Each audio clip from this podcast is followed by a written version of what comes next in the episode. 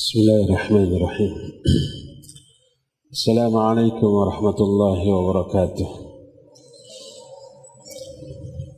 الحمد لله الذي بعث في الأمين رسولا منهم يتلو عليهم آياته ويزكيهم ويعلمهم الكتاب والحكمة. وإن كانوا من قبل لفي ضلال مبين. وأشهد أن لا إله إلا الله الملك الحق المبين وأشهد أن محمدا عبده ورسوله صادق الوعد الأمين والصلاة والسلام على أشرف الأنبياء والمرسلين وعلى آله وأصحابه أجمعين ومن تبعهم بإحسان إلى يوم الدين وبعد. Hadirin jamaah masjid yang Allah muliakan, para pendengar beberapa radio yang ikut merilai Radio Tarbiyah Sunnah Bandung dan radio-radio lain juga para netizen melalui akun mana pun di mana saja Anda berada. Kita akan mengambil tema mahalnya hidayah. Ada banyak sisi yang bisa dibahas tentang hidayah. Tapi dalam kesempatan ini saya hanya ingin membahas satu ayat yang pendek saja. Ayat ini mengupas secara mendalam tentang hidayah. Ayat ini bisa menyebabkan kualitas sholat kita meningkat karena penghayatan kita terhadap sholat akan semakin baik. Ayat ini berisi doa yang menjadi hak kita sepenuhnya terhadap Allah Azza wa Jalla. Ayat ini selalu kita baca minimal 17 kali sehari semalam di dalam sholat kita. Ayat apa yang dimaksud? Ihdinas syiratal mustaqim. Ini berbicara tentang hidayah. Ihdi maknanya beri hidayah. Na kepada kami. Ke mana? Ke asyiratal mustaqim, ke jalan yang lurus. Ada dua poin yang ingin kita bahas. Pertama, apa yang dimaksud hidayah yang kedua, apa yang dimaksud dengan syiratul mustaqim? Dua ini saja yang kita akan jelaskan. Semoga waktunya cukup. Kalau tidak cukup, secukupnya aja. Makna ihdinas syiratul mustaqim yang sering kita dengar, sering kita fahami adalah tunjukkan kepada kami jalan yang lurus. Apa yang dimaksud dengan tunjukkan? Dalam bahasa Arab, ihdi beri hidayah kepada kami. Apa yang dimaksud hidayah? Ada dua jenis hidayah seperti yang diterangkan oleh para ulama. Hidayah yang pertama disebut hidayatul irsyad wa dilalah. Irsyad itu bimbingan. Dilalah itu petunjuk. Hidayah yang merupakan bimbingan dan petunjuk bagi kita. Dan ini bentuknya ilmu. Sehingga ihdina maknanya berikan kepada kami ilmu. Karena ilmu itu berisi bimbingan dan petunjuk. Ilmu tentang apa? Tentang siratal mustaqim. Nanti kita terangkan apa yang dimaksud dengan siratal mustaqim.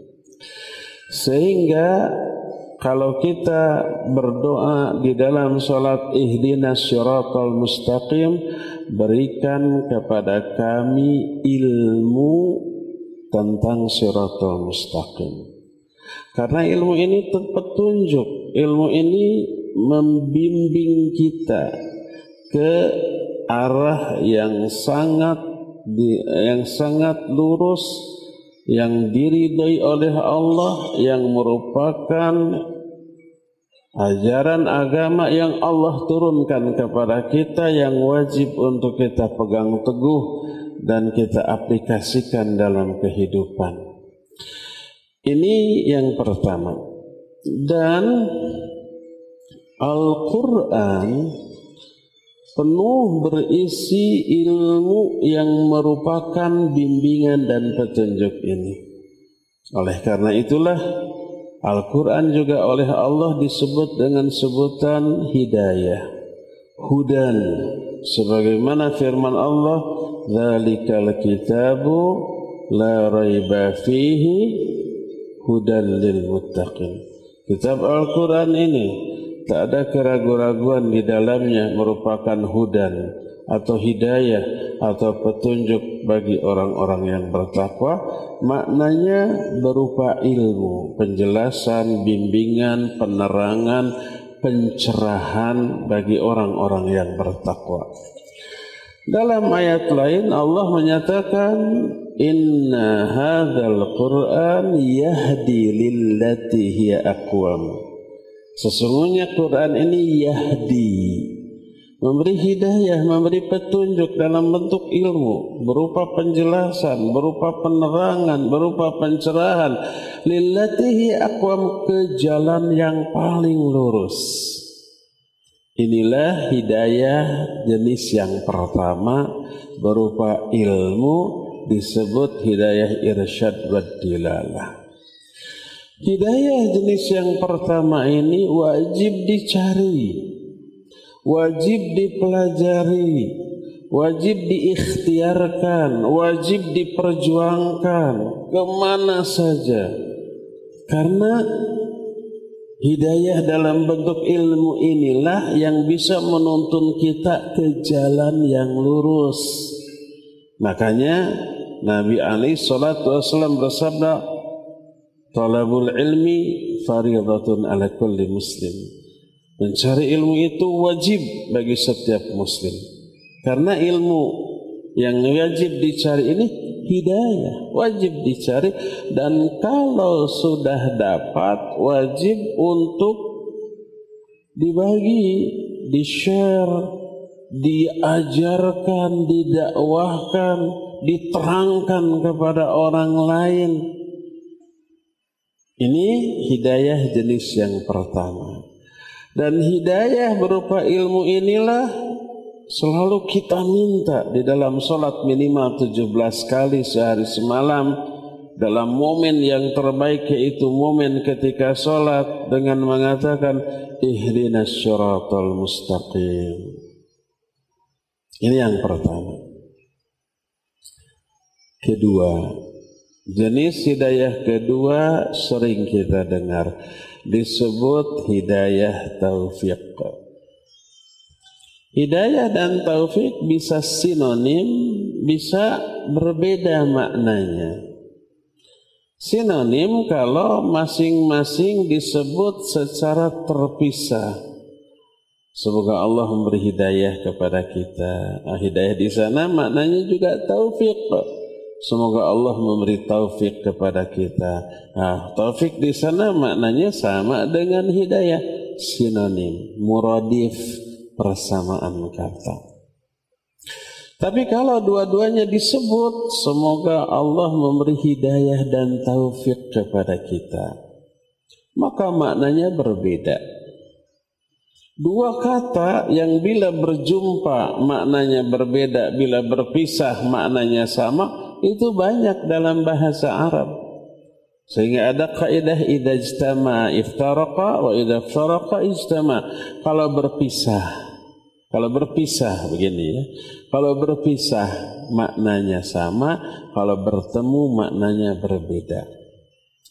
Seperti contohnya apa? Contohnya umpamanya albir dan takwa. Bir dan takwa sinonim.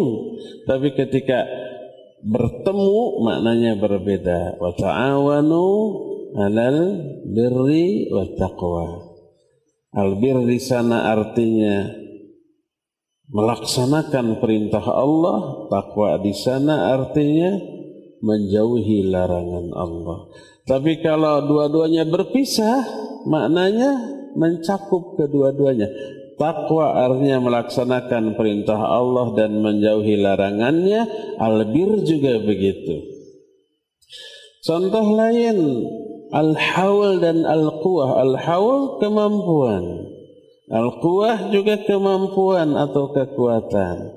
Tapi bila dua-duanya bertemu dalam satu kalimat seperti la haula wala quwwata illa billah maknanya menjadi berbeda. Al-haul artinya kemampuan untuk meraih apa pun yang bermanfaat. Al-quwah maknanya adalah kemampuan untuk menolak setiap yang madarat. Tapi dua-duanya bermakna kemampuan atau kekuatan. Dalam bahasa kita, daya dan upaya dan banyak lagi yang lain-lainnya ya. Termasuk hidayah dan taufik apa yang dimaksud dengan taufik hidayah taufik hidayah taufik ini berupa dua. Pertama keinginan atau masyiah atau irodah untuk melakukan ibadah, amal soleh dan kebaikan. Ini pertama nih. Keinginan yang muncul dalam hati kita itu bukan hasil ikhtiar kita. Bukan hasil usaha kita. Kita tidak bisa menghadirkan keinginan untuk melakukan sesuatu. Nggak bisa umpamanya lagi malas baca Quran. Akhirnya kita berusaha memunculkan keinginan untuk membaca Al-Quran. Nggak bisa. Keinginan untuk ngaji kayak gini. Begitu dapat BC, lalu dibaca, ada tablik akbar di Masjid Agung Garut.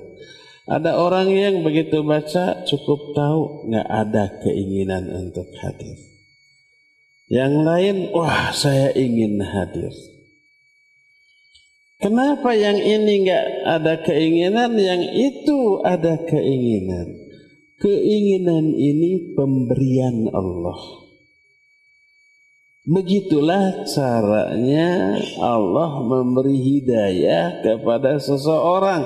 Pertama, diberi keinginan untuk beramal soleh, untuk ibadah, untuk melakukan kebaikan. Yang ngasih itu Allah bukan hasil ikhtiar kita. Ujuk-ujuk muncul. Yang memunculkan keinginan dalam hati kita itu Allah. Kata siapa?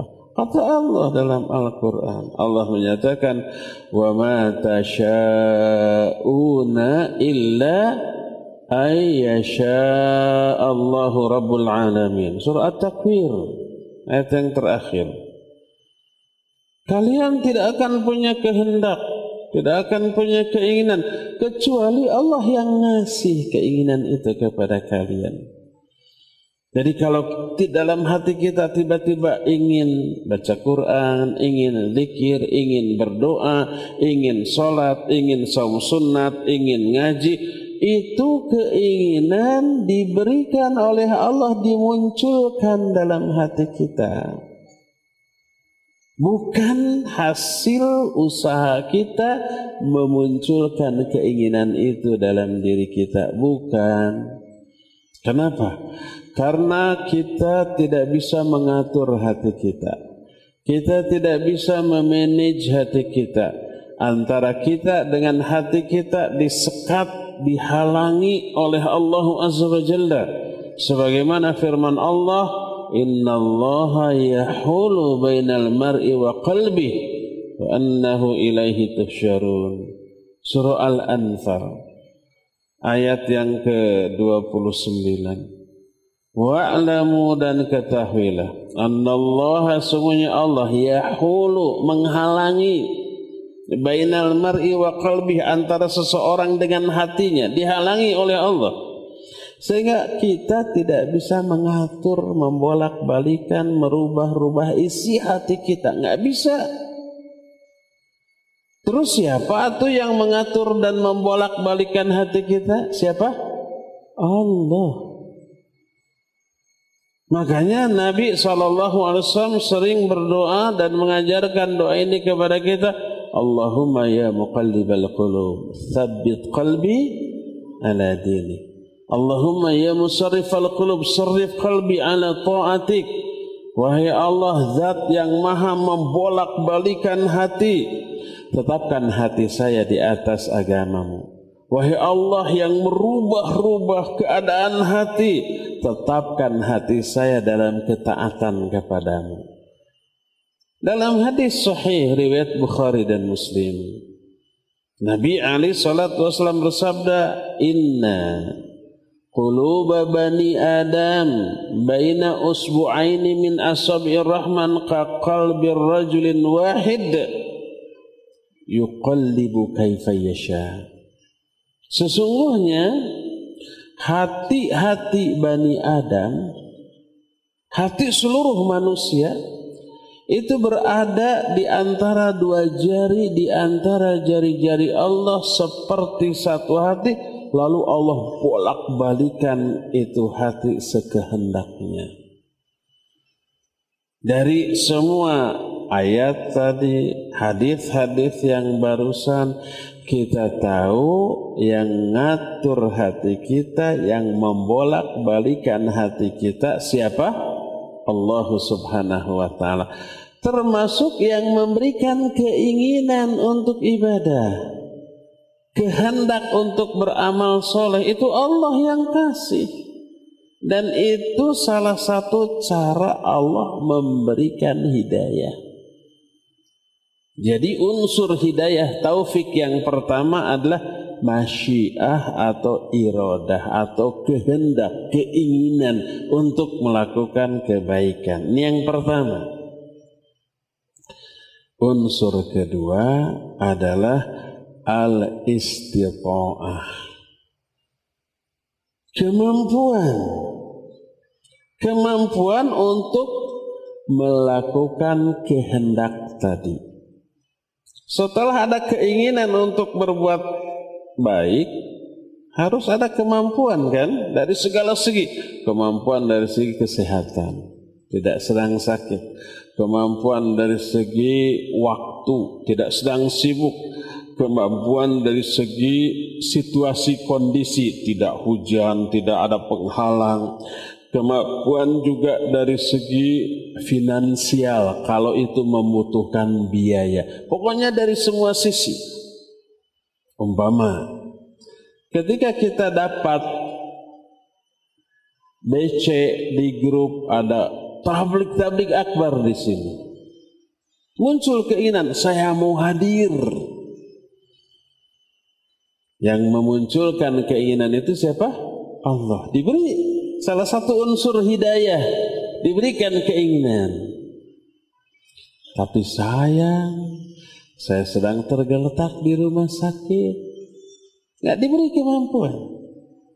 Atau yang lain sayang, saya ada keperluan ke Bandung. Orang Bandung ke sini, orang sini ke Bandung.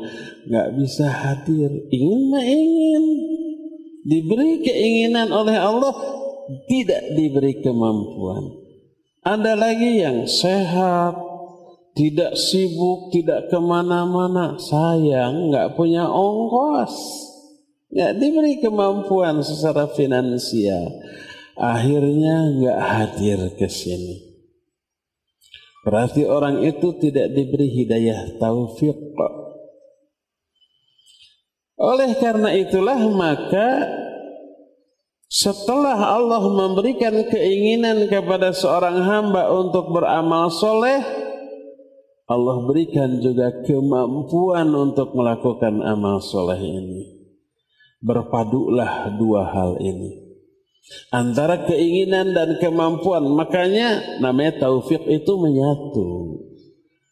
Taufik itu artinya melebur meleburnya menyatunya dua unsur ini. Ya keinginan untuk beramal ya kemampuan untuk beramal lahirlah amalan itu.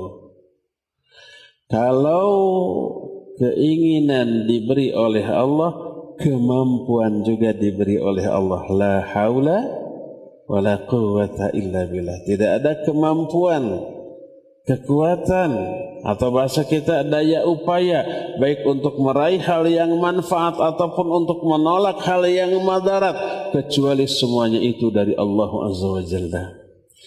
Inilah dua unsur hidayah taufik dan begitulah caranya kalau Allah mau memberikan hidayah taufik kepada seseorang diberilah keinginan untuk beramal diberilah kemampuan untuk beramal akhirnya orang itu beramal. Inilah hidayah taufik.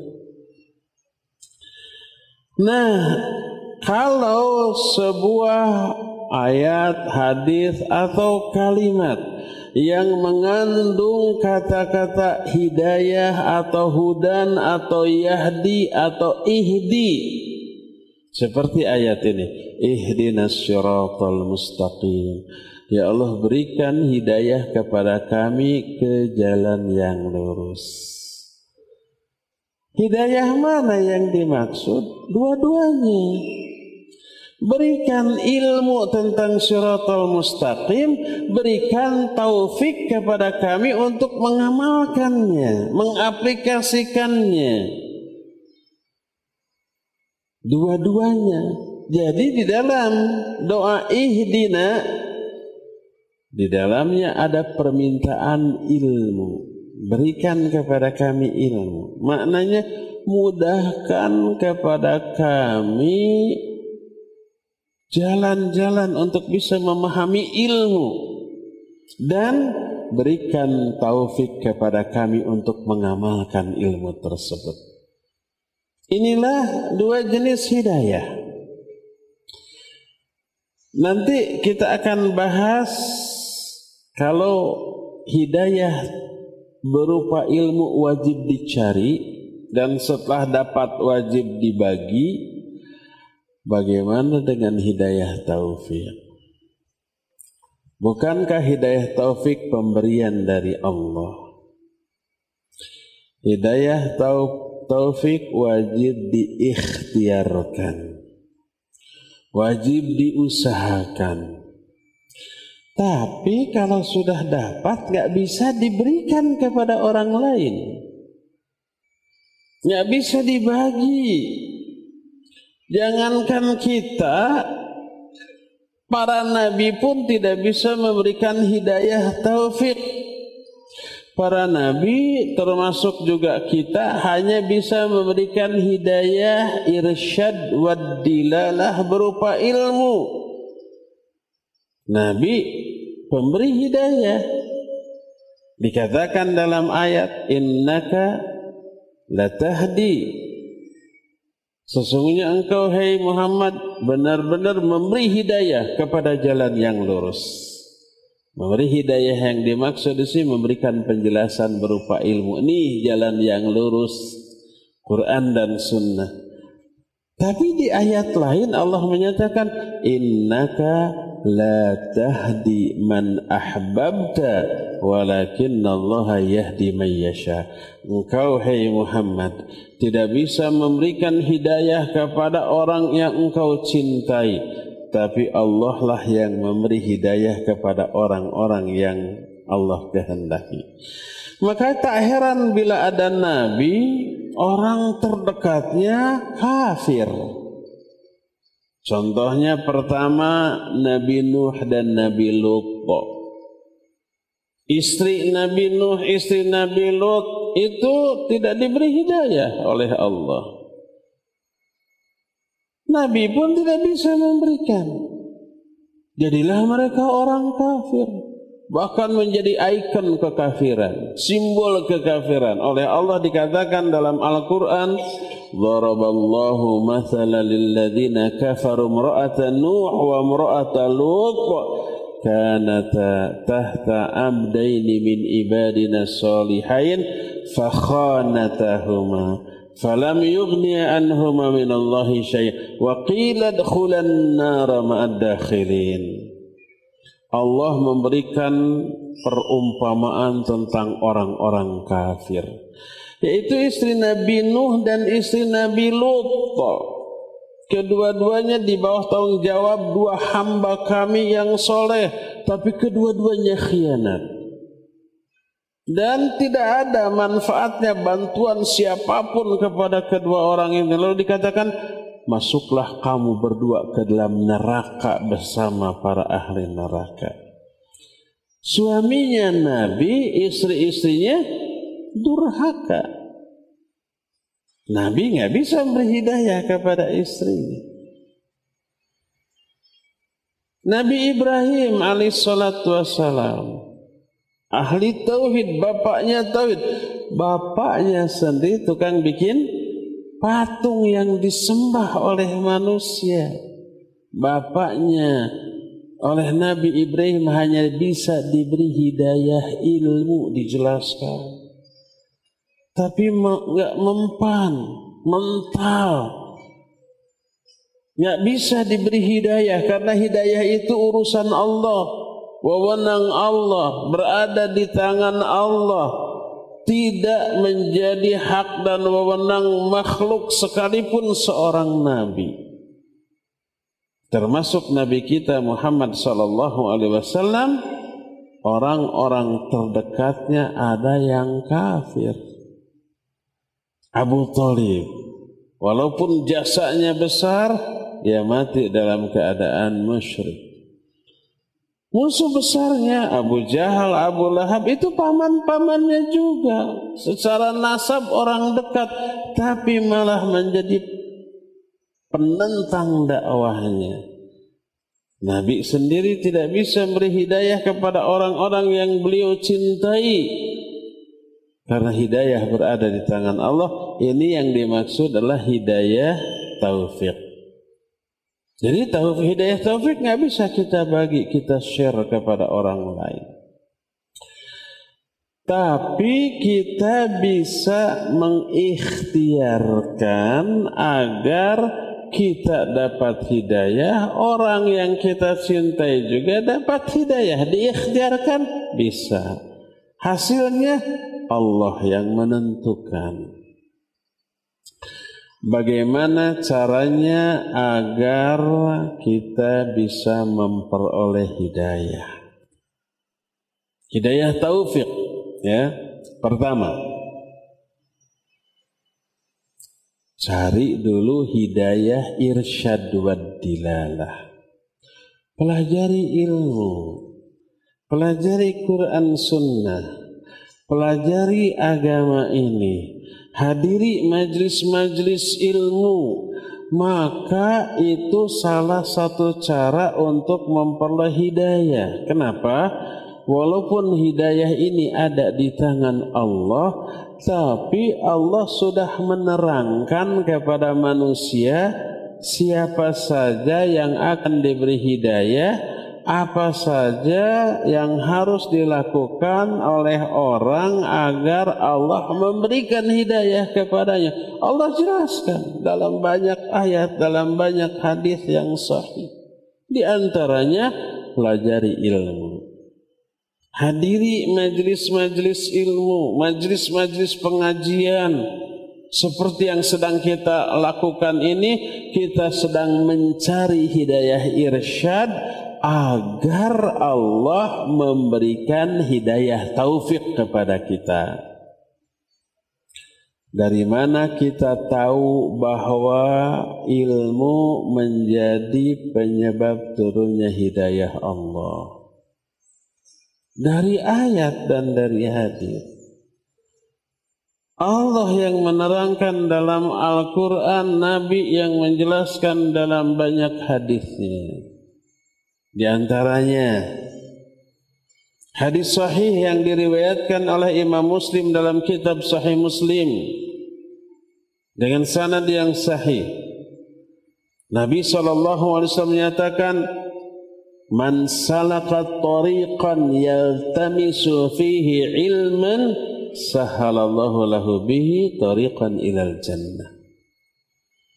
Siapa orang yang menelusuri suatu jalan dalam riwayat lain dari Sofwan bin Asal man kharaja min baitihi yaltamisu fihi ilman siapa orang yang keluar dari rumah sekadar untuk mencari ilmu Allah akan permudah bagi orang itu jalan menuju surga. Apa maknanya?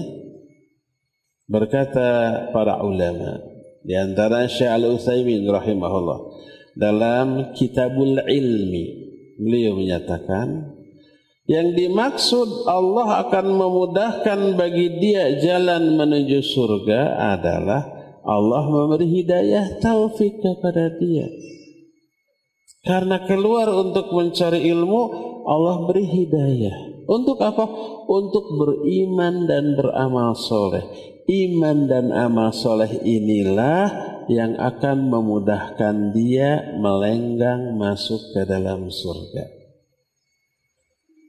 Dari sini kita tahu mencari ilmu termasuk cara untuk meraih hidayah dari Allah Subhanahu wa taala.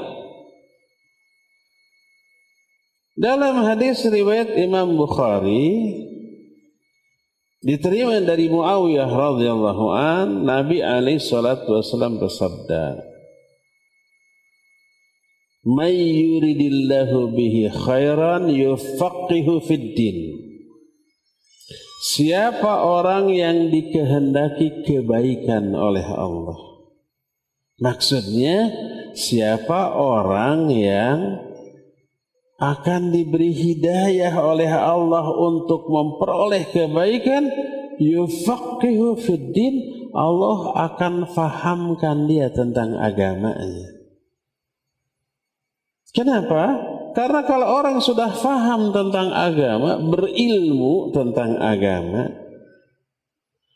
ilmunya itu memotivasi dia untuk beriman, beramal soleh, berbuat kebaikan, menjauhi dosa maksiat yang diharamkan, itu memotivasi. Kenapa orang yang nggak punya uang mau nyopet, lihat ada dompet orang nongol di sakunya, tapi dia nggak berani me, me, mengambil dompet itu. Karena dia lihat situasi, memang dompetnya nongol, nongol tapi orang-orang di sekelilingnya melihat. Kalau dia nekat ambil, orang tahu diteriaki, maling copet, wah babak belur. Lalu dibawa ke polisi, lalu disidang, lalu ditahan resikonya terlalu berat. Akhirnya dia urungkan. Dia nggak berani mencopet karena resikonya terlalu berat. Dihukum. Itu orang. Seorang mukmin yang tahu ilmu agama, tahu Quran Sunnah, ada perbuatan yang dilarang. Quran dan hadis menerangkan jenis azab dan hukuman dunia dan akhirat bagi orang yang melanggar larangan itu. Takut dia. Seperti umpamai berjudi, mabok, mencuri, berzina dan seterusnya. Itu kan larangannya jelas dan azab yang diterangkan dalam Quran dan hadis juga jelas dunia dan akhirat. Ngeri, takut akhirnya nggak berani melakukan. Lihat pemahaman dia, pengetahuan ilmu tentang agama dia menahan dia untuk berbuat dosa yang diharamkan. Ada hadis Nabi SAW, Man hafadha ala ala thnaini asyara raq'atan fi lailatin fi yaumin wa lailatin banallahu lahu baitan fil jannah siapa orang yang menjaga 12 rakaat solat dalam sehari semalam Allah buatkan bagi dia istana di surga. Lalu dalam hadis riwayat Imam At-Tirmidzi dirinci 12 rakaat tuh. Dua rakaat sebelum subuh, empat rakaat sebelum zuhur, dua rakaat setelah zuhur, dua rakaat setelah maghrib, dua rakaat setelah isya. 12 rawatib Allah bangunkan bagi dia istana di surga. Orang yang tahu ilmu dari hadis ini termotivasi, waduh Istana di surga itu tidak ada bandingannya dengan istana semegah apa pun yang ada di dunia. Istana siapa yang paling megah di dunia? Kita nggak tahu. Mungkin istana Sultan Brunei gitu. Gimana isinya nggak tahu. Yang pasti megah. Dibayangkannya si karpet nage lebih empuk daripada kasur kita adem, enak, serba mewah, serba megah, banyak pelayan dan seterusnya. Itu di dunia. Di akhirat jauh lebih mewah lagi daripada apa pun yang ada di dunia. Kita termotivasi ingin punya istana di surga. Lalu kita terdorong untuk memelihara 12 rakaat salat rawatib. Begitu juga tahajud, begitu juga saum sunnah Senin Kamis, begitu juga baca Quran, zikir, berdoa, infak di jalan Allah. Semua diterangkan dalam ayat dan hadis dengan iming-iming balasan yang baik dunia sampai akhirat. Maka orang yang tahu tentang hal itu termotivasi. Akhirnya beramal Akhirnya lahirlah kebaikan darinya. Bermula dari pemahaman dia tentang agamanya. Makanya tak heran kalau Nabi menyatakan siapa orang yang dikehendaki kebaikan oleh Allah, Allah akan membuat dia faham tentang agamanya. Setelah faham tentang agama, dia akan mengamalkan agama tersebut dan itulah dari sana lahir kebaikan-kebaikan yang sangat banyak. Dari sini kita mengetahui bahwa ilmu termasuk salah satu cara untuk memperoleh hidayah dari Allah Subhanahu wa taala. Makanya hadiri majlis-majlis ilmu. Cari ilmu di mana pun ilmu itu berada. Maka Allah akan menurunkan hidayah kepada kita untuk menjadi lebih baik dibanding sebelumnya, lebih rajin ibadahnya, lebih berkualitas amal solehnya dibanding sebelumnya. Terlebih kalau nggak salah di pertemuan pertama tiga tahun yang lalu di sini kita kan membahas keutamaan majelis ilmu ya. Ketika kita sedang berkumpul di masjid Allah mengkaji ayat Allah, para malaikat turun, rahmat turun, hidayah turun, sakinah turun, pujian Allah di hadapan para malaikat di, diucapkan oleh Allah di hadapan para malaikat.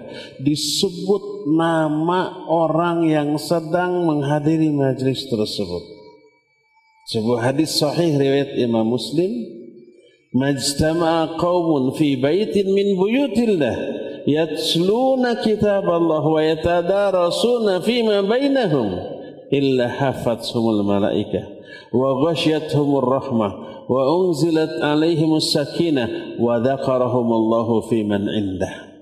Kalau suatu kaum berkumpul di salah satu rumah Allah di masjid ini nih, ini rumah Allah. Kalau mereka mempelajari Quran dan membahas isinya, ngaji, maka para malaikat akan turun menaungi mereka, mengerumuni mereka. Di sini banyak malaikat. Lalu Allah akan menurunkan sakinah, ketentraman jiwa kepada mereka. Allah akan curahkan rahmat kepada mereka dan Allah menyebut-nyebut nama mereka di hadapan para malaikat yang ada di sekelilingnya. Lihat, Orang yang sedang ngaji ngumpul di rumah Allah dapat rahmat, dapat sakinah, dapat salawat dari para malaikat, dapat pujian dari Allah Subhanahu wa taala di hadapan para malaikat gimana orang-orang itu nggak akan dapat hidayah? Gimana orang itu nggak akan lebih baik dibanding sebelumnya? Kalau ketika ngajinya dapat seluruh yang diterangkan tadi. Terlebih setelah beres ngaji, para malaikat yang menghadirinya itu naik ke atas langit. Lapor kepada Allah. Oleh Allah ditanya min aina ji'tum wa huwa a'lamu bihim. Dari mana kalian? Allah nanya bukan enggak tahu, Allah lebih tahu. Dijawab ji'na min indi ibadika. Kami datang dari sisi hamba-hambamu ya Allah. Mereka bertasbih, memujimu, bertakbir, mengagungkanmu. Terus mereka pun Kata para malaikat meminta ampunanmu. Terus kata Allah apa lagi yang mereka inginkan? Kata para malaikat, yarjuna jannataka. Mereka mengharapkan surgamu. Hal ra'au jannati apakah mereka sudah pernah melihat surgaku? Dijawab belum. Gimana kalau sudah melihat pasti akan sungguh-sungguh lagi. Wa. Mereka pun minta perlindungan kepadamu. Ditanya, perlindungan dari apa? Dari nerakamu. Apa mereka sudah melihat nerakaku? Belum. Bagaimana kalau sudah melihat? Pasti lebih sungguh-sungguh. Kata Allah, saksikan olehmu Aku sudah ampuni dosa-dosa mereka. Aku akan berikan apa yang mereka inginkan yaitu surga. Aku akan lindungi mereka dari apa-apa yang mereka meminta perlindungan kepadaku dari hal itu yaitu dari neraka. Tuh orang yang hadir di dalam majlis kajian seperti ini bubar kajian dosa-dosanya diampuni dijanjikan surga, dijanjikan perlindungan dari api neraka. Malaikat nggak sampai di sana, nanya lagi. Apa kata malaikat? Kata malaikat Rabbi, anna fihim rajulun khatta'un kana yamurru wa yajlisu ma'ahum. Ya Allah, di kalangan orang yang hadir ada hambamu durhaka, ahli maksiat, tukang melakukan dosa. Dia cuma lewat, lihat ada yang ngumpul di masjid, lalu ikut duduk bersama mereka. Tadinya nggak niat nggak niat ikut ngaji, hanya lewat saja. Terus ikut duduk mendengarkan. Gimana yang gitu dapat enggak? Apa kata Allah Azza wa Jalla? Kata Allah, "Qad ghafartulah." Aku ampuni juga dosa orang itu. Humul qaumul ladzina la uh, yashqa jalisuhum. Mereka Orang-orang yang ngaji itu adalah suatu kaum yang siapa saja yang duduk bersama mereka, orang itu tidak akan binasa. Jadi yang tadinya nggak niat, mungkin ada suami di sini. Ngantar istrinya, istrinya mau ngaji antar, diantar. Bapak majunglah ke mana, we gitunya, ngabaso mangga gitu, ngaburayot mangga gitu. Eh, efek setelah datang, eh udah Bapak juga ikut aja. Duduk mendengarkan. Dapat ampunan dari Allah Azza Jadi bagaimana mungkin ilmu tidak mengundang turunnya hidayah dari Allah?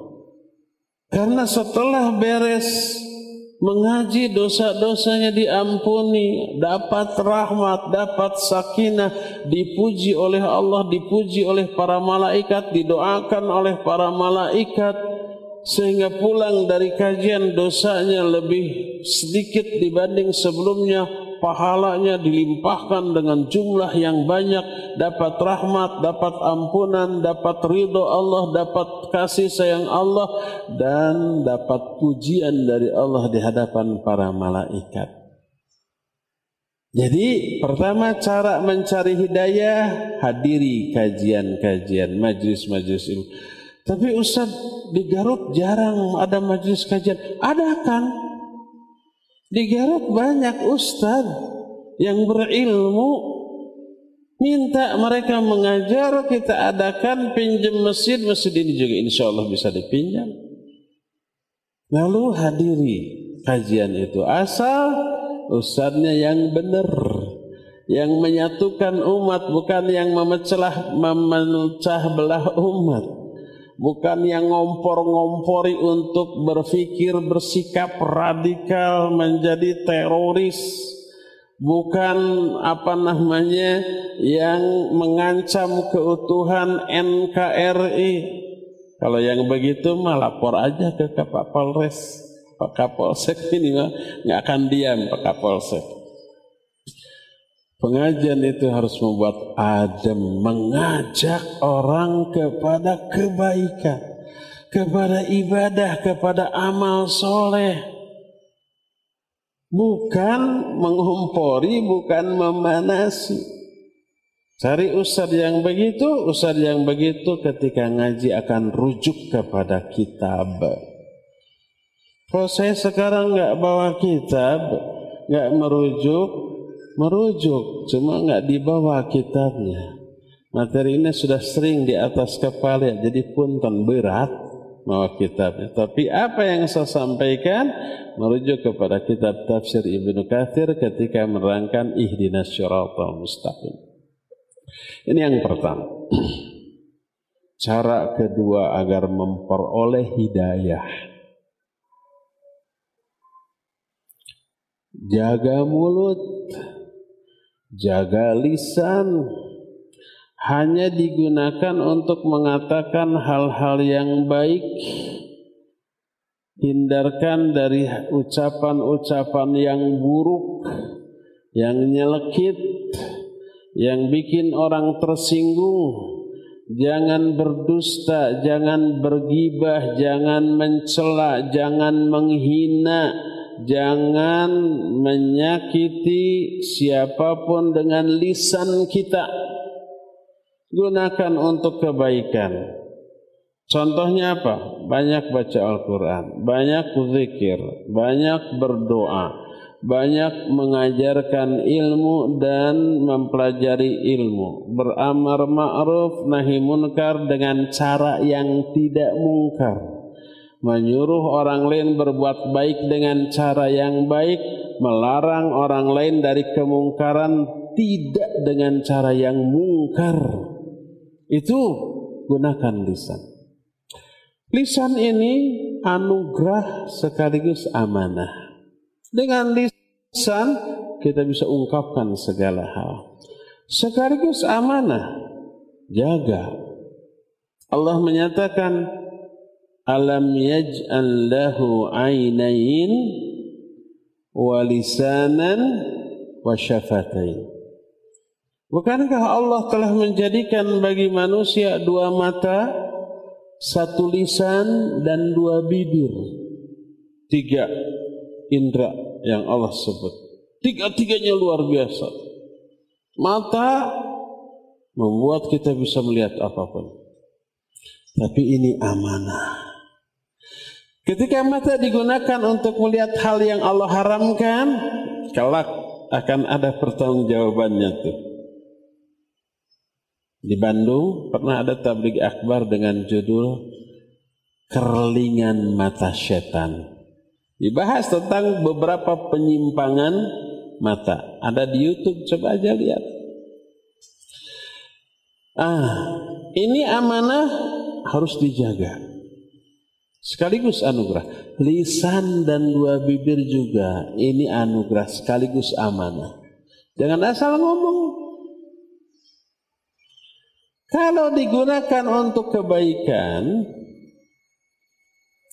akibatnya Allah akan berikan hidayah taufik kepada dia. Siapa orang yang menggunakan lisannya untuk kebaikan? Baca Quran. Setelah baca Quran, Allah berikan taufik hidayah untuk berbuat amal soleh lainnya setelah itu. Berzikir. Memberi nasihat yang baik dengan cara yang baik ke kawan. Belajar ilmu, mengajarkan ilmu. Ini pasti ada ucapan lisan.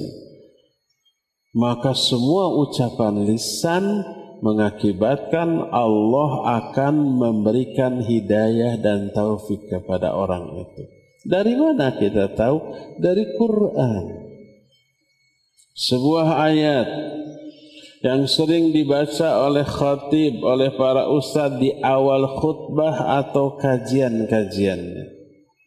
Dalam surah Al-Ahzab Allah menyatakan, Ya ayyuhalladzina amanu taqullah وقولوا قولا سديدا يصلح لكم أعمالكم ويغفر لكم ذنوبكم Hai orang-orang yang beriman bertakwalah kalian kepada Allah. Wa qulu qawlan sadida ucapkan olehmu ucapan yang baik. Berkata Imam Ibn Kathir ini juga dinukil oleh Syekh uh, Mukbil bin Hadi Al-Wadi dalam sebuah kitab Wasiatilin Nisa. Dikutip ini. Kata Imam Ibnu Katsir qaulan sadida ay qaulan mustaqiman la wijaja la fihi wa la inhirafa. Ucapan yang baik itu ucapan yang lurus tidak ada penyimpangan tidak ada dosa tidak ada keburukan di dalam contohnya apa? Baca Quran berzikir, amar ma'ruf nahi munkar, berdakwah, mengajarkan ilmu dan belajar ilmu. Itu ucapan yang baik. Apa akibatnya setelah waqulu qawlan sadida yuslih lakum a'malakum. Allah akan solehkan amal-amal kamu. Mungkin di sini ada para ustaz atau santri yang pernah belajar nahu ya Kenapa dibaca yuslih lakum a'malakum wa yaghfir lakum dzunubakum? Tidak yuslihu, padahal ini fi'il mudhari ya. Fi'il mudhari hukum asalnya rafa. Tapi kenapa jazam yuslih lakum a'malakum? Sebab jawab dari qulu qawlan sadida. Jawab dari syarat itu ada hubungan akibat. Sebab akibat karena sebab mengatakan perkataan yang baik, akibatnya Allah akan solehkan amal-amal kamu. Yang dimaksud Allah mensolehkan amal-amal kamu. Kata Imam Ibnu Katsir ay lil a'mali salihah Allah memberi hidayah taufik kepadamu untuk beramal soleh. Karena berkata yang baik Allah berikan taufik hidayah untuk beramal soleh setelahnya. Makanya jangan heran kalau orang umpah sudah berdoa kepada Allah dengan ikhlas dan khusyuk. Berdoa termasuk amalan lisan. Setelah beres berdoa, tiba-tiba, duh ingin baca Quran, ambil mushaf. Itu hidayah yang Allah berikan. Kenapa Allah memberi hidayah untuk baca Quran? Karena kita sudah berdoa sebelumnya. Setelah beres baca Quran, beberapa lembar kita simpan, keluar dari masjid ada canceling, ah, dirogohlah sakunya, diambillah dompetnya, masukkan semuanya ke canceling itu. Infak sodako. Kenapa muncul keinginan untuk infak dan sodako? Itu hidayah balasan Allah setelah kita baca Quran. Ingat, setiap amal soleh Allah balas kontan di dunia dan ada balasan yang ditunda di akhirat. Apa balasan yang kontan di dunia? Salah satunya, bukan satu-satunya, salah satunya. Banyak balasan kontan di dunia. Salah satunya Allah beri hidayah untuk melakukan amal soleh berikutnya. Berkata Imam Ibn Rajab Al-Hambali rahimah dalam kitab Lataiful Ma'arif bab wadhifatu syahri, syahri syawal. Qala ba'du salaf. Kata Imam Ibn Rajab, telah berkata beberapa orang ulama salaf di kalangan para sahabat. Man amila hasanah thumma atba'aha hasanah fadzalika alamatu qabulil hasanatil ula. Lianna Allah idza taqabbala amala 'abdin waffaqahu lil a'mali salihah ba'dahu. Siapa orang yang melakukan sebuah kebaikan, ibadah. Setelah beres, dia ikuti dengan ibadah berikutnya, ibadah yang kedua. Maka ibadah kedua ini menjadi tanda ibadah pertama tadi itu diterima oleh Allah. Karena apabila Allah menerima amalan seorang hamba tandanya Allah berikan hidayah kepada dia untuk melakukan amal soleh berikutnya. Makanya kalau umpah kita sudah sholat, sholat fardu berjamaah di masjid, kita ingin tahu sholat kita ini diterima atau tidak. Bisa. Gimana caranya? apa yang kita lakukan pada sholat. Kalau selesai salat, salam kanan, salam kiri, kita masih terbawa oleh suasana sholat, lalu dilanjutkan dengan zikir, wirid, sesuai dengan sunnah Nabi SAW. Terus setelah itu kita berdoa. Beres berdoa, masih terasa nih suasana sholat dan zikir, ah ingin baca Quran ambil mushaf, baca Quran, berlembar-lembar sampai satu juz. Alhamdulillah. Setelah itu bangkit. Setelah itu ingin infak, ingin sodakoh. Lalu infak dan sodakoh. Dan seterusnya. Kalau itu yang terjadi selesai sholat, ketahuilah itu pertanda sholat kita tadi diterima. Karena beres sholat, Allah memberikan hidayah kepada kita untuk wirid, untuk zikir. Allah berikan hidayah kepada kita untuk berdoa.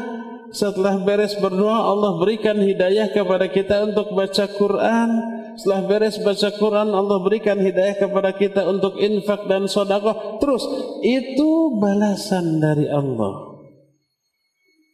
Jazaul hasanah al hasanatu ba'daha balasan atas sebuah perbuatan baik yaitu perbuatan baik berikutnya setelah itu. Tapi kalau beres sholat, Assalamualaikum, Assalamualaikum, langsung ngodok saku.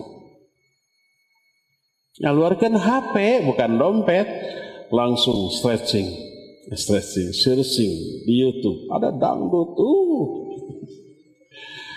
atau begitu salam langsung ngegosip dengan kawan. Eh si Anu si Fulan menyebelin begini-gini. Langsung setelah salat berbuat dosa. Gibah, mencela. Ingat, dosa yang dilakukan seusai ibadah sebagai tanda ibadah tadi ditolak dan tidak diterima. Man amila hasanah, thumma atba'aha bis fadzalika alamatur raddil hasanah wa adamu qabuliha Siapa orang yang berbuat kebaikan lalu diikuti oleh dosa, diikuti oleh keburukan, maka keburukan itu menjadi tanda bahwa ibadah tadi ditolak dan tidak diterima oleh Allah Subhanahu wa taala. Kenapa? Karena apabila Allah menolak tidak menerima amal baik seorang hamba, Allah akan cabut hidayah dari orang itu sehingga orang itu tidak melanjutkan dengan ibadah lain malah diikuti oleh dosa dan keburukan. Jadi salah satu balasan kontan dari Allah atas ibadah dan kebaikan yang dilakukan oleh seseorang adalah diberikan hidayah untuk melakukan amal soleh berikutnya. Oleh karena itulah maka ucapkan ucapan yang baik. Maka Allah akan mensolehkan amal-amalmu karena amal soleh tersebut dilakukan karena hidayah dari Allah dan hidayah itu sebagai balasan atas ucapan baik yang kita lakukan, yang kita katakan. Perbanyak baca Al-Quran, zikir, berdoa kepada Allah, amar ma'ruf nahi munkar, belajar ilmu, mengajarkan ilmu, menasihati, mengingatkan kawan-kawan yang lalai dengan cara yang baik, itu semua pengundang hidayah. Inilah yang kedua. Yang ketiga, kayaknya siratul mustaqimnya belum bisa kebahas tuh. Sebab ini juga belum selesai. Ke tahun depan. Cara ketiga untuk memperoleh hidayah adalah bersikap jujur dalam segala hal bersikap, berucap, berniat, berperilaku yang jujur. Jujur bukan hanya ucapan loh. Sikap juga. Niat juga. Niat yang jujur itu niat yang ikhlas. Lawan dari jujur apa? Dusta. Niat yang ria tidak ikhlas adalah niat yang dusta. Nanti ada penjelasannya. Jujur dipastikan termasuk amalan pengundang hidayah dari Allah. Kata Nabi Shallallahu Alaihi Wasallam, hadis sahih riwayat Bukhari dan Muslim. Beliau bersabda, "Alaikum bisidqi, fa inna sidqa yahdi ilal birri, wal birra yahdi ilal jannah." Wajib kamu jujur. Karena kejujuran yahdi memberi hidayah kepada albir. Albir tadi sudah disinggung. Bir itu sama dengan takwa. Bir ini kebaikan. Bentuk bir ada dua, bukan bir minuman kade. Albir Salah satu di antara nama Allah adalah Al-Bir dan Al-Bar. Innahu huwal barrur rahim. Kan ada ayat yang begitu. Sungguhnya Allah maha barrur rahim. Nah, maha bar dan maha rahim. Pernah dengar nama Al-Bar? Al-Bar itu Asma'ul Husna. Nama Allah. Al-Barrur Rahim. Perbuatannya disebut bir. Bir itu kebaikan. Ada dua bentuk bir. Pertama, melakukan kebaikan yang sebelumnya tidak dilakukan. Kedua, berhenti dari keburukan yang selama ini selalu dilakukan. Kebiasaan buruk, dosa, maksiat rutin dilakukan. Kemudian berhenti dan berhentinya itu karena hidayah dari Allah. Itu termasuk perbuatan bir. Bir mencakup makna berhenti dari dosa, berhenti dari maksiat karena takut azab. Termasuk tidak jadi melakukan perbuatan buruk yang tadinya sudah diniatkan nggak jadi karena takut dosa itu bir. Jadi bir ada dua bentuk. Pertama melakukan kebaikan yang sebelumnya tidak dia lakukan. kedua berhenti dari keburukan yang selama ini sudah menjadi kebiasaan. Dua-duanya termasuk ke dalam kata bir. Bir bahasa kita kebaikan. Kata Nabi SAW, Alaikum bisidqi fa inna sidqa yahdi ilal bir. Wajib kamu jujur karena jujur menuntun kalian untuk berbuat bir. Artinya jujur menyebabkan kamu diberi hidayah oleh Allah untuk melakukan kebaikan-kebaikan yang selama ini tidak kamu lakukan atau diberi hidayah untuk berhenti dari keburukan yang selama ini sudah menjadi kebiasaan. Contoh umpamanya Selama ini kita nggak pernah saum Senin Kamis. Mau Senin, mau Kamis, mau Rebo, nggak ada bedanya. Karena anggapannya saum Senin Kamis sunnah, tidak dilakukan nggak dosa ya. Akhirnya nggak termotivasi. Suatu saat kita melakukan kejujuran, baik ucapan ataupun perbuatan. Ucapan umpamanya kita merusak barang orang yang harganya mahal, tapi orang nggak tahu, hanya kita yang tahu. Nggak ada CCTV, nggak ada saksi. Pemiliknya, aduh, siapa ini yang merusak barang saya? Kita jawab, saya maaf. Padahal kita bisa mungkir dan bisa selamat. Tapi ketika kita kamu yang merusak, bisa aja kita enggak bisa selamat karena nggak ada saksi, nggak ada bukti. Selamat dari amukan orang itu tapi tidak selamat dari murka Allah. Akhirnya kita akui karena takut murka dan adab. Iya, maaf saya tadi. Jujur dan itu akan diapresiasi oleh Allah. Diberi reward kontan dan tertunda, tertunda nanti di akhirat. Kontannya diberi hidayah. Tiba-tiba besoknya hari Senin atau hari Kamis ingin saum. Biasanya pas adzan baru bangun, ini jam 4 sudah bangun, sahur dulu. Sekarang Senin, sekarang Kamis, saya ingin saum. Tiba-tiba muncul motivasi untuk saum.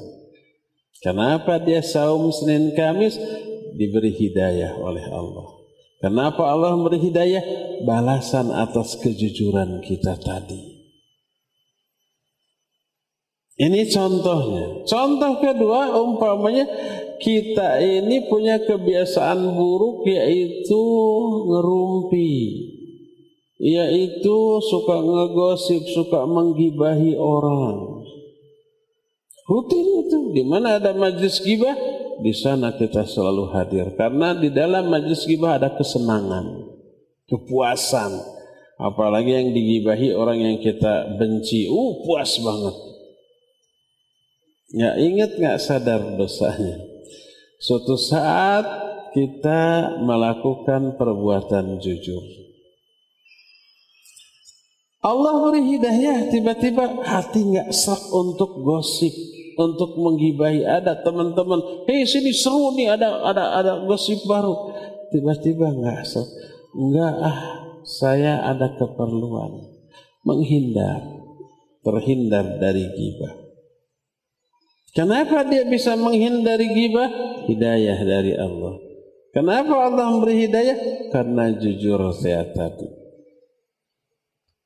dari sini kita mengetahui bahwa kejujuran termasuk salah satu di antara cara memperoleh hidayah Allah. Intinya bukan hanya kejujuran, bukan hanya ucapan baik, seluruh ibadah, amal soleh, perbuatan baik itu mengundang turunnya hidayah dari Allah apa pun itu kita tersenyum ke orang, itu perbuatan baik, Allah akan kasih hidayah untuk beramal soleh berikutnya setelah itu. Kita infak dan sodako, akibatnya nanti kita termotivasi untuk melakukan amal soleh berikutnya setelah itu. Begitulah seluruh ibadah, amal soleh dan kebaikan bisa mengundang turunnya hidayah dari Allah kepada kita semuanya. Inilah yang ketiga. Keempat dan kelima seterusnya kita tidak sempat bahas. Ada dua hal yang ingin kita bahas tapi tidak sempat. Pertama makna siratul mustaqim kan itu yang bikin penasarannya. Yang kedua penghalang-penghalang hidayah. Itu perlu agar kita hindari. Tapi sayang sekali waktunya tidak cukup. Cukup sekarang penjelasan saya sampai di sini. Kita masih punya sisa waktu sekitar 20 menitan lah untuk bertanya jawab dan dipersilakan untuk uh, mengumpulkan pertanyaan wa sallallahu ala nabiyina Muhammadin wa ala alihi wa wasallam. Pertanyaan yang pertanya. Barakallahu fika Ustaz wa fika barakallahu. Di antara sebab datangnya hidayah, contohnya dengan menghadiri majlis ilmu. Bagaimana keadaan seseorang jika masih melakukan maksiat atau dosa, baik sengaja atau tidak, meskipun sering menghadiri majlis ilmu, apakah orang tersebut masih dikategorikan orang yang mendapatkan hidayah? Baik, barakallahu fiik. Idealnya, mestinya bertambahnya ilmu harus bertambah iman, bertambah rasa takut. Karena ilmunya Allah berfirman, Innama yakhshallaha min ibadihil ulama. Hanyalah orang-orang yang takut kepada Allah di kalangan hamba-hambanya hanyalah orang-orang yang berilmu. Dan ukuran ilmu seseorang dilihat seberapa besar rasa takut dia. Bukan diukur dari hafalan riwayat atau hadis. Imam Ibn Kathir menukil pendapat para ulama dalam kitab tafsirnya laisal ilmu bikathratil hadis wa innamal ilmu bikathratil khasyah. Ilmu itu tidak diukur dengan banyaknya hafalan hadis tapi diukur dengan banyaknya rasa takut. Idealnya masih makin berilmu makin takut untuk berbuat dosa. Nah sekarang ada orang ilmunya tinggi selalu bertambah hadir ke kajian sering, tapi dosa juga tidak pernah ditinggalkan. Dia terus-terusan ngaji, terus-terusan dosa. Kenapa sebab? Nah, ada sebuah kutaib. Kutaib itu kitab kecil. Di Bandung sudah selesai dibahas. Di Tasik akan dibahas khusus untuk para guru. Judulnya Awaiqut Tolab. Maknanya kendala dalam mencari ilmu. Berisi apa? Berisi beberapa keburukan yang banyak dilakukan para penuntut ilmu ketika sedang mencari ilmu. Akibatnya ilmunya nggak manfaat. Akibatnya ilmunya memberi madarat. Akibatnya ilmunya dipakai untuk kepentingan pribadi, meraih kepentingan dunia. Disebut awak talab. Beberapa kendala bagi para penuntut Di antaranya, nah, di antaranya. Pertama, cek niatnya. Dia ngaji itu karena Allah atau karena dunia? Karena ingin menambah iman, ingin meraih ridho Allah, ampunan Allah, mahabbah Allah, rahmat Allah, surga Allah, ataukah karena ingin dunia? Nabi SAW mengancam man ta'allama al-ilma mimma yubtagha bihi wajhullah azza wa jalla la yata'allamuhu illa liyusiba bihi arada min ad-dunya lam yajid arfal jannah yawmal qiyamah yakni Kata Nabi SAW, siapa orang yang mencari satu ilmu yang ilmu itu harus dipelajari sekedar untuk mencari keriduan Allah. Tapi dia tidak mempelajari ilmu itu kecuali untuk meraih keuntungan dunia. Orang ini tidak akan bisa mencium baunya surga di hari kiamat. Hadis ini sahih riwayat Imam Abu Daud dalam kitab Sunan Abu Daud. Dan banyak lagi hadis lain. Jadi kalau niat ketika mencari ilmu salah, keliru seperti untuk kepentingan dunia agar kaya raya, agar beken, agar dikenal, agar umpamanya dipuji orang, wah akibatnya begitu. Ilmu bertambah, iman tidak bertambah. Kemaksiatan malah dilegitimasi oleh ilmunya. Bisa-bisa ayat hadisnya dipelintir semau dia agar meraih keuntungan dunia. Jadi yang pertama, coba perhatikan niat. Kedua, coba perhatikan ketika ngaji. Ketika ngajinya khusyuk mencatat atau melamun, atau tidur, atau ngorok, atau main HP. Kalau memang ngajinya tidak mendengarkan, hanya ngelamun, hanya main HP, ngapain dia ngaji? Itu tadi kembali ke niat. Mungkin ada konsumsi, mungkin ingin mencari kesempatan-kesempatan bisnis dengan orang yang hadir, mungkin untuk menukar sendal yang buruk dengan yang jelek, macam-macam. Jadi kalau orang mencari ilmu terus rajin, ilmunya bertambah tapi dosanya tidak pernah dia hentikan terus pasti ada adab mencari ilmu yang dia langgar akibatnya ilmunya menjadi tidak bermanfaat bagi dirinya tidak bermanfaat juga bagi orang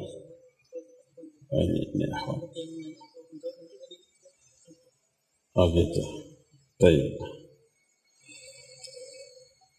Ya akhwat dulu. Izin bertanya, bagaimana menyikapi orang tua yang masih menyimpan dan mempercayai terhadap suatu benda yang diyakini bisa menjadi suatu sebab seperti untuk penyembuhan dengan istilah nyareat dengan benda atau keris. Saya takut hal tersebut bisa menjerumuskan ke dalam dosa syirik. Saya sudah mencoba mengingatkan beliau namun masih seperti itu. Bagaimana solusi berkaitan dengan hal demikian? Baik, barakallahu Apa yang sudah dilakukan bagus, yaitu mengingatkan, memberikan penjelasan. Coba kalau bisa dijelaskan apa namanya di uh, patahkan argumentasi dia. Kalau ini nyari atan bahasa Sunda namanya, kita bilang nyari atan itu harus yang memang ada hubungan sebab akibat. Seperti kalau sakit ya ke dokter. Atau ke herbalis atau yang punya lisensi untuk mengobati. Itu nyariatan syariatnya seperti itu dan Nabi menyuruh tada tadawau fa inna likulli da'in dawa. Berobatlah kalian karena setiap penyakit ada obatnya. Obatnya itu yang harus ada hubungan sebab akibat dengan penyakit. Seperti obat-obat dari dokter. Kenapa berupa pil, kenapa berupa kapsul atau cairan yang diminum atau yang dioleskan, bisa dijelaskan secara ilmiah. Ada hubungan sebab akibat antara obat itu dengan penyakitnya. Bisa dengan terapi alternatif yang tidak melanggar pijat refleksi umpamanya. Ada hubungan sebab akibat? Ada. Ada penjelasan ilmiah yang masuk akal? Ada. Nah, sekarang kalau mengobati dengan cara yang tidak ada hubungan sebab akibat, seperti umpam memindahkan penyakit disedot, dipindahkan ke kambing. Kasihan kambing. Dipindahkan ke buah. Begitu buahnya dibuka, ada paku. Itu trik sulap. Itu penipuan. Tidak ada hubungan antara si penyakit yang bisa disedot, dipindahkan, nggak ada penjelasan ilmiah, nggak masuk akal maka tidak boleh. Itu bukan syariat. Syariat itu harus ada hubungan sebab akibat antara penyakit dengan obat. Patahkan aja argumentasinya, ya. Berikan penjelasan terus. Kalau dia menyatakan nyariatan, bilang nyariatan itu harus ada yang hubungan sebab akibat. Tuh ke dokter, tuh ke terapis, tuh ke penyembuhan alternatif yang tidak melanggar, ada lisensi, ada izin dari Departemen Kesehatan, gitu, baru boleh. Kalau tidak ada hubungan sebab akibat, bukan nyariatan itu, eh. Katakan saja argumentasinya, tetap berikan penjelasan dengan sebaik-baik cara karena ini ibu kita, orang tua kita, ya. Tidak boleh dengan cara yang kasar, yang menyinggung, yang menyakiti. Selain itu doakan agar orang tua kita memperoleh hidayah. Bagaimana hukumnya jika sekelompok muslimah menuntut ilmu kepada seorang ustadz tanpa hijab? Sedangkan kondisinya di antara muslimah tersebut ada yang belum memakai cadar atau juga ada yang bersolek. Bagaimana Rasul Shallallahu Alaihi Wasallam dulu ketika me mengajari para sahabiat, apakah dibalik hijab atau tidak? Syukran. Pertama, Apakah Nabi SAW pernah mengadakan kajian khusus akhwat dulu? Iya. Setiap hari Kamis, Nabi SAW diminta oleh seorang wanita, utusan para wanita untuk mengajari mereka, lalu Nabi menyanggupi berkumpullah di rumah Anu pada hari Anu. Pada saatnya beliau datang. Pakai hijab apa tidak? Tidak diriwayatkan pakai hijab. Kenapa? Karena mereka saat itu tahu syariat tentang muamalah laki dan perempuan. Tidak menata para wanitanya menutup wajahnya. Nabi SAW tunduk menundukkan pandangannya mengamalkan ayat kullil mu'minin yaghuddu min absarihim Para ahwatnya mengamalkan ayat Qul lil mu'minat yaghdudna min absarihinna. Para wanitanya mengamalkan ayat wala yubdina zinatahunna illa ma dhahara minha. Para wanitanya mengamalkan ayat wala yadribna bi arjulihinna liyu'lama ma yukhfina min zinatihinna. Tertunduk sehingga aman dari fitnah. Adapun orang sekarang pertama kondisi memungkinkan untuk dihijab. Tidak seperti di zaman Nabi SAW. Kedua, orang-orangnya mudah terkena fitnah. Ustadznya, mustami'nya mudah terkena fitnah. Kadang-kadang akhwat kalau tahu ada ustadznya yang dia sukai bersolek. Semoga keincer sama ustadznya. Ustadznya tanpa hijab melihat para wanita yang ada di hadapan. Terfitnah dia. Kalau ustadznya normal, kalau ada ustadz yang menyatakan itu mah yang pikirannya kotor aja yang terfitnah. Eh, Bukan kotor bersihnya. Yang bersih juga kalau melihat perempuan mah pasti ter terfitnah jadi kotor. Sudah tahu ya bahwa hal itu kotor. Dibiarkan pikirannya, matanya dikotori. Terus terang saya masih normal. Pernah nggak saya ngaji di hadapan akhwat tanpa hijab? Iya. Dan itu terjebak. Jadi kalau suatu saat saya diundang pengajian di rumah besar, rumah menteri, dikira itu campur ikhwan ahwat karena mereka tahu saya kalau ngaji pasti dipisah dalam pikiran saya begitu. Begitu sampai di sana saya persis duduk di hadapan emak-emak. Aduh, ngalaper tuh tuh, gempur. Saya lebih baik berhadapan dengan singa yang garang asal di kandangan daripada di hadapan emak-emak. Ada yang menor ada, apalagi sosialita. Tasnya juga 500 juta atau harganya, belum sepatunya, belum aksesorisnya. Terfitnah, iya terfitnah. Apa yang dilakukan sudah nunduk saja sampai cangkel punduk. Ini aja. Tidak berani cengkat. Karena apa? Kalau begitu cengkat prok, paamprok, patetep itu sebulan nggak akan lupa. Oleh karena itu jaga mata. Kondisikan Amal soleh berupa pengajian jangan menjadi kesempatan setan untuk menjerumuskan kita. Sebaiknya pasanglah hijab demi kemaslahatan bersama ya. Terakhir ya, punten tidak semua pertanyaan terjawab. Bagaimana jika kita menggibah orang hanya dengan suami yaitu curhat?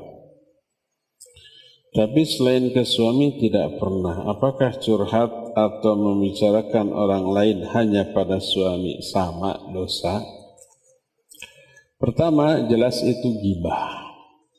Gibah artinya menjelekkan orang di belakang orangnya yang bila dia tahu dia tidak suka itu gibah. Apakah gibah ke suami dibolehkan atau tidak? Bukan ke suami atau ke siapanya, bukan. Apa tujuan menggibahi? Kalau tujuan menggibahinya untuk sesuatu yang dibolehkan oleh syariat, boleh. Karena Imam An-Nawawi dalam kitab Riyadus Solihin ketika menerangkan, menerangkan haramnya gibah di bawah subjudul haramnya gibah ada pembahasan ma yubahu minal ghibah beberapa gibah yang dibolehkan di antaranya adalah menggibahi orang dalam rangka istifta istifta itu meminta fatwa tentang boleh tidaknya perbuatan tertentu atau apa hukumnya dan untuk memperoleh jawaban itu harus menggibahi orang. Maka itu boleh. Seperti contoh Hindun pernah berkata kepada Rasul SAW, Ya Rasulullah suami saya Abu Sofyan orangnya pelit. Gibah bukan? Gibah. Yang digibahinya siapa? Suami. Kalau nggak saya minta, nggak ngasih. Kadang saya suka ngambil uang tanpa sepengetahuan Abu Sofyan. Boleh apa tidak? Gibah bukan? Gibah. Nabi tidak menyalahkan. Kamu sudah menggibahi suamimu. Tobat minta maaf. Enggak. Nabi SAW hanya menyatakan boleh. Boleh kamu mengambil sebatas keperluanmu dari harta suami. Nggak boleh berlebih. Hadis ini dijadikan dalil oleh para ulama tentang bolehnya menggibahi orang dalam rangka istifta. Istifta itu minta fatwa. Kedua, boleh menggibahi orang kepada hakim ketika mengadukan seseorang untuk memutuskan dari aspek hukum. Kalau bahasa kita ke polisi boleh, cuma kita ditipu orang atau dijahati orang lapor ke polisi. Kata polisi apa kasusnya? Maaf Pak polisi saya nggak mau gibah. Oh lapor. Cuma ya harus menggibahi. Si fulan nipu saya begini, ini buktinya, ini saksinya. Tolong proses secara hukum. Boleh dalam rangka mencegah ada korban lain yang berjatuhan akibat kejahatan orang seperti itu itu gibah yang dibolehkan termasuk menggibahi seseorang kepada orang lain yang orang itu mampu menghentikan atau merubah keburukan seseorang seperti ada preman suka malak suka apa namanya meras kita nggak berani Akhirnya kita lapor ke orang yang bisa menghentikan tindakan premanisme tadi. Mungkin orang itu pendekar, petarung, jagoan, atau ke polisi. Itu harus menggibahi iya, si fulan suka meres, itu menggibahi. Tolong hentikan dia. Boleh termasuk menggibahi untuk uh, menggibahi orang agar orang banyak tidak menjadi korban kejahatan. Seperti contoh ada copet, kita tahu dia copet, orang-orang nggak tahu. Si Iwan copet ini hadir ke pengajian, tahu niatnya bukan ngaji tapi nyari korban. Dari kejauhan sudah kelihatan, lalu kita gibahi dia Jamaah sekalian, lihat orang itu hati-hati dompet, dia copet. Gibah bukan? Gibah. Boleh enggak? Harus, karena itu termasuk bagian dari amar ma'ruf nahi mungkar. Kalau enggak dikasih tahu, banyak korban nanti, banyak yang nangis, banyak yang pulang jalan kaki karena dicopet oleh dia. Maka dibolehkan, ya. Jadi untuk kemaslahatan umum ini juga terutama untuk kemaslahatan agama gibah ini dilakukan oleh para ulama terutama para ulama ahli hadis untuk menjaga kemurnian hadis jangan sampai ucapan orang diaku-aku hadis Nabi jangan sampai hadis palsu menyebar dan diamalkan Makanya ketika menyeleksi hadis, para ulama menggibahi para perawi. Ulama ini rawi ini sayyul hifad, buruk hafalan. Itu gibah bukan? Ya. Hadisnya ditolak. Rawi ini kadzab, rawi ini tukang dusta. Wajib ditolak hadis-hadis yang diriwayatkannya. Ini gibah? Iya gibah.